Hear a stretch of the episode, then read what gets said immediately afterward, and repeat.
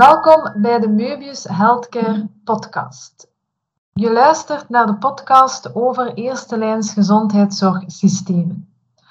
Welkom en bedankt dat je luistert. In deze podcastreeks gaan we op zoek naar goede voorbeelden uit het buitenland omtrent de eerste lijns gezondheidszorg. We hebben de ambitie om onze luisteraars te inspireren met voorbeelden en realisaties die we terugvonden in de literatuur. Mijn naam is Melissa de Smet en ik ben de host van deze podcast. Naast mij zit mijn collega Melanie. Dag Melanie. Hallo. Kan je even schetsen wat jouw functie is binnen Möbius? Wel, ik heb de opleiding Management en Beleid van de Gezondheidszorg gevolgd en ben pas afgestudeerd. Ik start deze zomer als consultant bij Möbius. En ik ben vooral geïnteresseerd in de financiering en organisatie van de gezondheidszorg, maar daarnaast vind ik epidemiologie ook heel interessant. Welkom Melanie.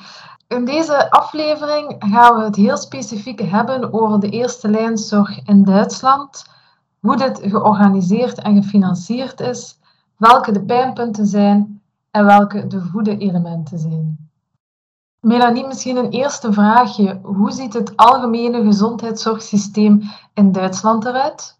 Wel, het Duits gezondheidszorgsysteem staat op de twaalfde plaats in de Health Consumer Index van 2018.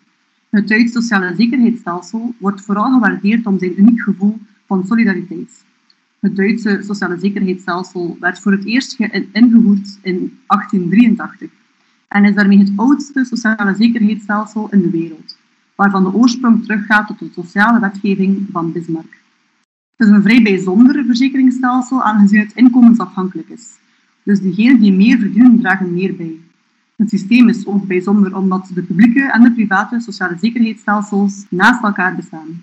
Deze combinatie betekent dat Duitsland bijna een universele, een universele dekking heeft voor de gezondheidszorg.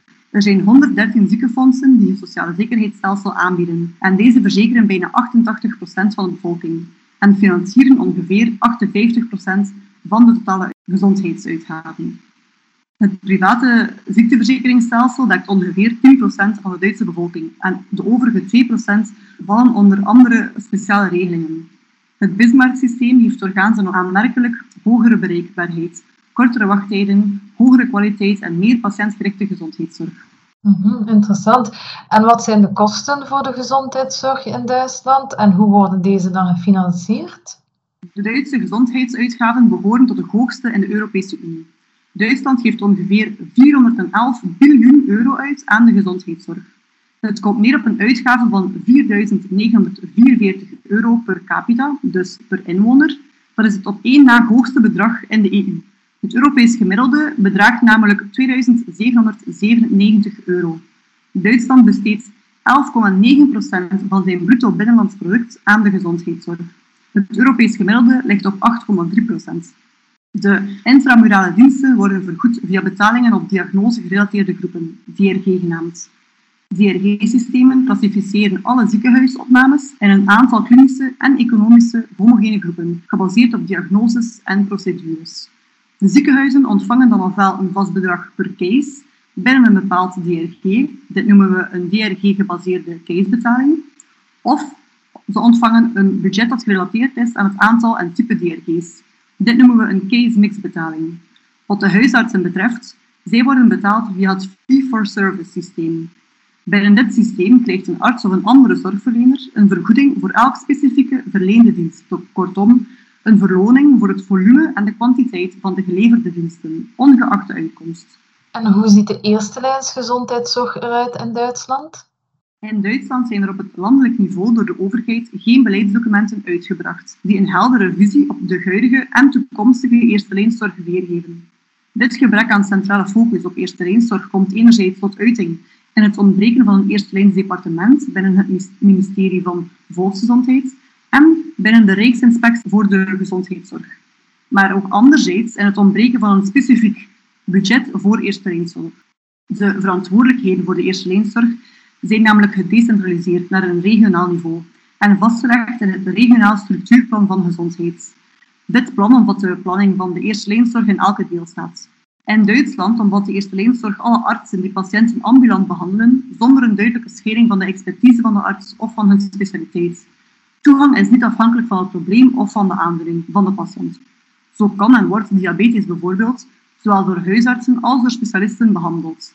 Elke patiënt heeft dus een vrije keuze van arts. Vandaar dat de schering tussen specialisten versus generalisten in de gezondheidszorg wordt gestuurd door de Duitse sociale zekerheidsstelsel en onder meer afhankelijk is van het poortwachtersysteem. Deze scheiding is ook afhankelijk van de aard van de toestand van de patiënt. Klinische problemen die complex zijn, worden meestal direct doorverwezen naar de, naar de betreffende specialist. Huisartsen behandelen de gebruikelijke zorg, maar ook acute en chronische aandoeningen en focussen op preventie en gezondheidsbevordering. De zorgcoördinatie en communicatie tussen de ambulante sector en het ziekenhuis is en blijft wel een uitdaging voor Duitsland. Daarom werd er een poortwachtersysteem ingevoerd om dit probleem deels op te lossen.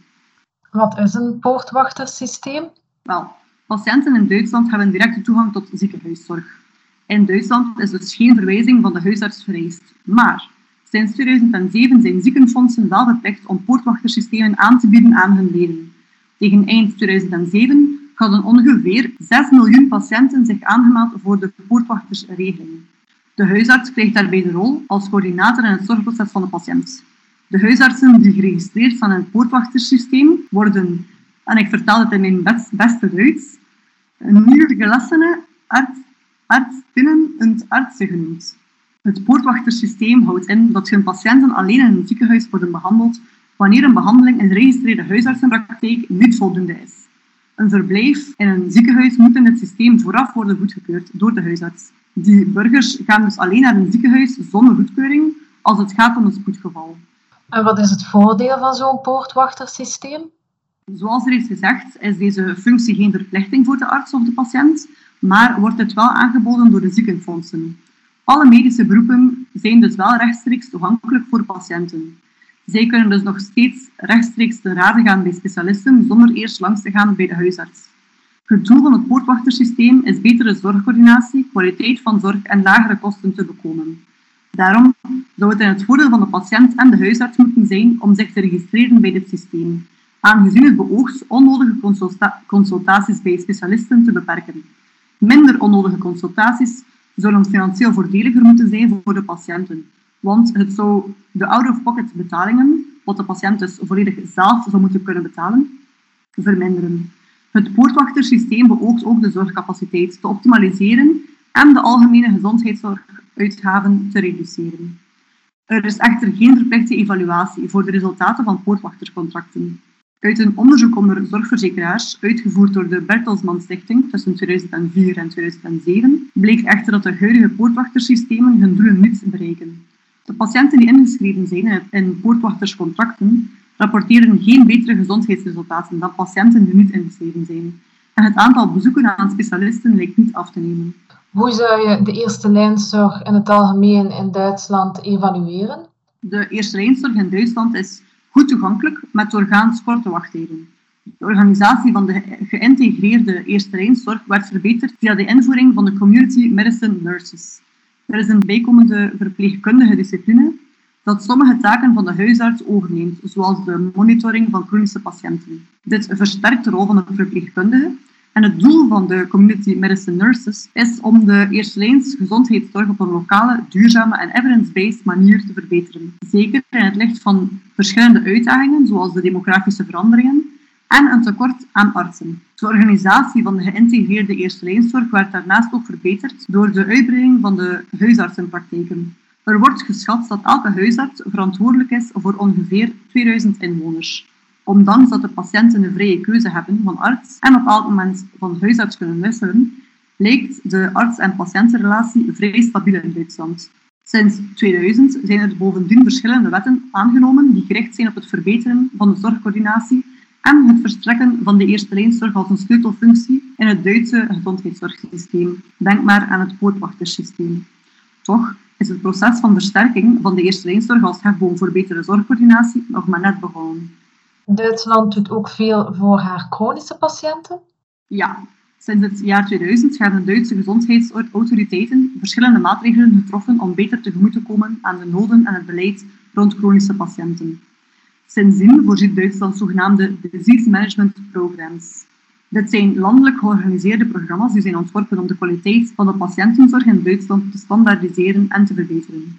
Momenteel bestaan er zes zorgprogramma's voor belangrijke chronische aandoeningen, namelijk voor borstkanker, diabetes type 1 en 2, hartziekten, astma, chronisch longlijden en chronisch hartfalen.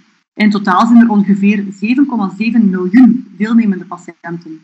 De richtlijnen van de Disease Management Programs zijn evidence-based en benaderen de verschillende facetten van de aandoening. Huisartsen treden op als poortwachters en zijn verantwoordelijk voor het leveren van een behandeling en de coördinatie van deze zorg. Zij kunnen patiënten ook doorverwijzen naar meer gespecialiseerde medische diensten binnen de ziekenhuizen. En deelname aan deze zorgprogramma's is optioneel voor zowel de patiënten als de zorgverleners. Wat is de doelstelling van dergelijke disease management programs?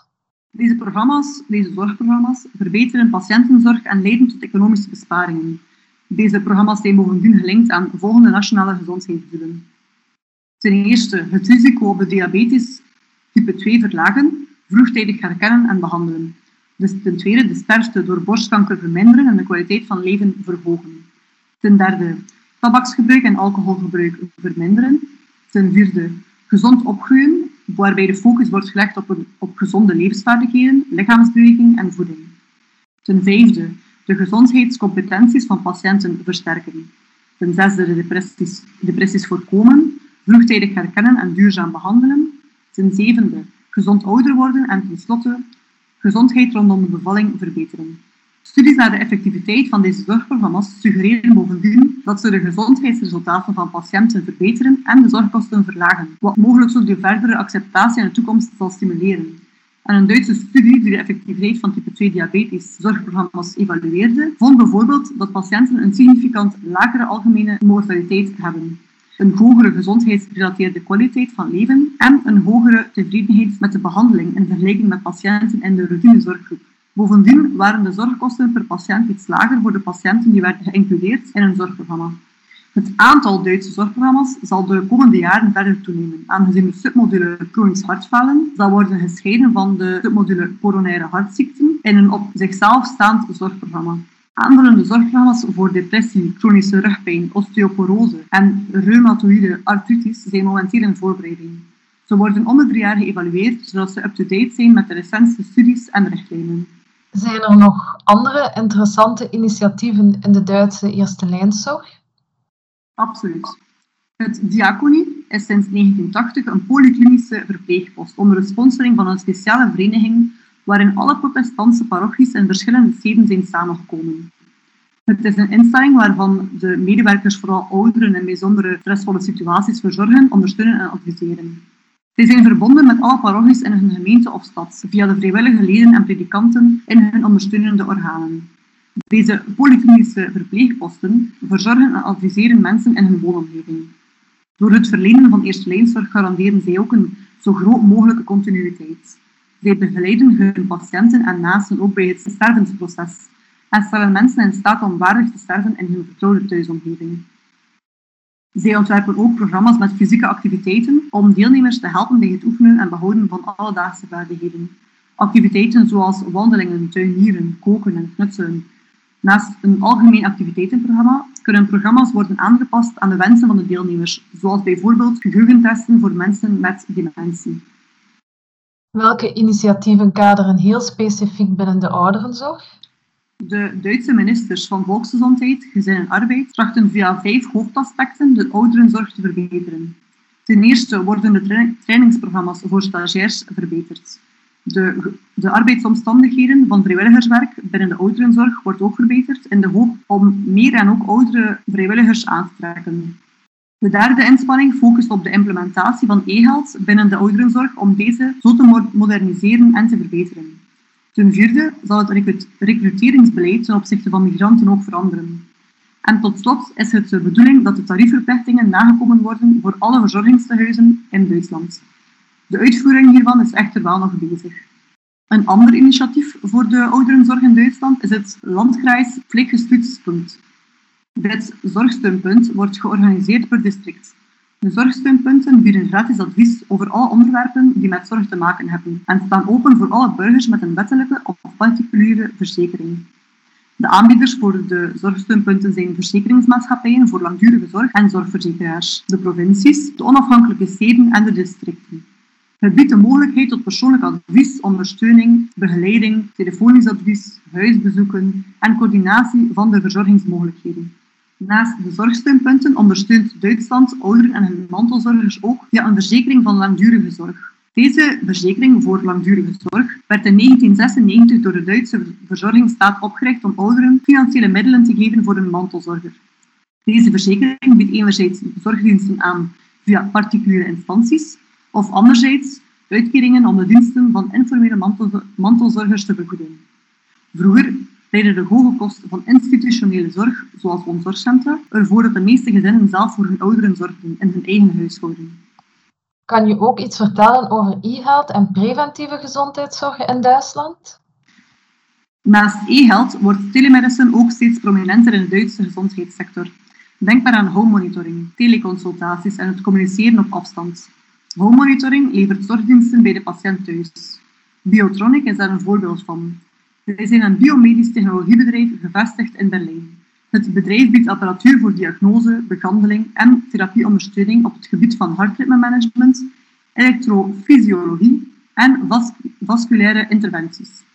Naast digitalisering en evidence-based medicine staat ook preventie en gezondheidsbevordering op de politieke agenda in Duitsland. Gezondheidspromotie en preventie gebeurt door de ziekenfondsen. Zij zijn daartoe verplicht en kosten worden daarbij gedekt door de ziekteverzekering. Daarnaast werd er op politiek niveau ook veel gedaan om de preventie en gezondheidsbevordering te verbeteren. Het agentschap van het ministerie van Volksgezondheid is verantwoordelijk voor campagnes rond risicogedrag en de preventie van chronische aandoeningen. Op federaal niveau werd ook het German Forum for Prevention and Health Promotion opgericht, met als doel het versterken van de preventie en het verbeteren van de coördinatie in de publieke sector. Er bestaat bovendien ook een nationaal actieplan ter bevordering van gezonde voeding en lichaamsbeweging. Wat zijn volgens jou de pijnpunten van het zorgsysteem in Duitsland? Het spreekt voor zich dat het van cruciaal belang is dat alle actoren in de gezondheidszorg efficiënt kunnen samenwerken om aan, alle behoeften te voldoen. Jammer genoeg is er nog steeds een relatief sterke schering in Duitsland tussen ambulante zorg en ziekenhuiszorg, maar ook tussen eerste lijnzorg en specialistische zorg. Volgens de case-studie van Duitsland in het rapport Building Primary Care in a Changing Europe, uitgevoerd door het European Observatory on Health System and Policies in 2015, heeft deze scheiding geleid tot een gebrek aan continuïteit en coördinatie, met mogelijk negatieve gevolgen voor de kwaliteit en efficiëntie van zorg. Ziekenhuizen werden vroeger namelijk wettelijk beperkt om zich te focussen op intramurale zorg en ambulante spoedgevallen. Enkel de universitaire ziekenhuizen hadden uitgebreide ambulante behandelingsfaciliteiten. Bijkomend stellen we vast dat huisartsen onderling af en toe communiceren, maar huisartsen zelden met specialisten communiceren. Dat probleem werd erkend en daarvoor werden enkele acties ondernomen, zoals de implementatie van de elektronische patiëntendossiers, het poortwachtersysteem en de community medicine nurses. Daarnaast hebben hervormingen in de gezondheidszorg in 2004 en 2007 ziekenhuizen aanvullende competenties verleend om ambulante diensten aan patiënten te verlenen. Wat zijn de best practices uit Duitsland die ons mogelijk kunnen inspireren? Wel, ik denk aan, in de eerste plaats aan de community medicine nurses. Zij houden rekening met enkele uitdagingen zoals de demografische veranderingen, een tekort aan artsen. En deze uitdagingen ervaart het Belgische gezondheidssysteem ook. Het implementeren van deze verpleegkundige discipline zou daarom de eerste lijns gezondheidszorg op een lokale, duurzame en evidence-based manier kunnen verbeteren. Daarnaast zouden de disease management programs ook kunnen inspireren. Deze werden door de Duitse gezondheidsautoriteiten geïmplementeerd om beter tegemoet te komen aan de noden en het beleid rond de chronische zieke patiënten. Op vandaag zijn er heel wat initiatieven in België rond geïntegreerde zorg voor personen met een zorg- en ondersteuningsnood, maar blijkt een duurzame verankering in de reguliere zorg vaak nog een pijnpunt. De polyklinische verpleegposten en zorgsteunpunten in Duitsland zouden de organisatie van de Belgische Rijksgezondheidscentra kunnen inspireren. Dankjewel Melanie voor het interessante gesprek. Graag gedaan. Dit was het einde van deze podcast. Bedankt voor het luisteren. Wil je graag reageren of heb je ideeën voor een volgende podcast? Stuur dan zeker een mailtje naar held.meubius.eu. Tot de volgende Meubius Healthcare podcast. Je luisterde naar de podcast over eerste lijns gezondheidszorgsysteem.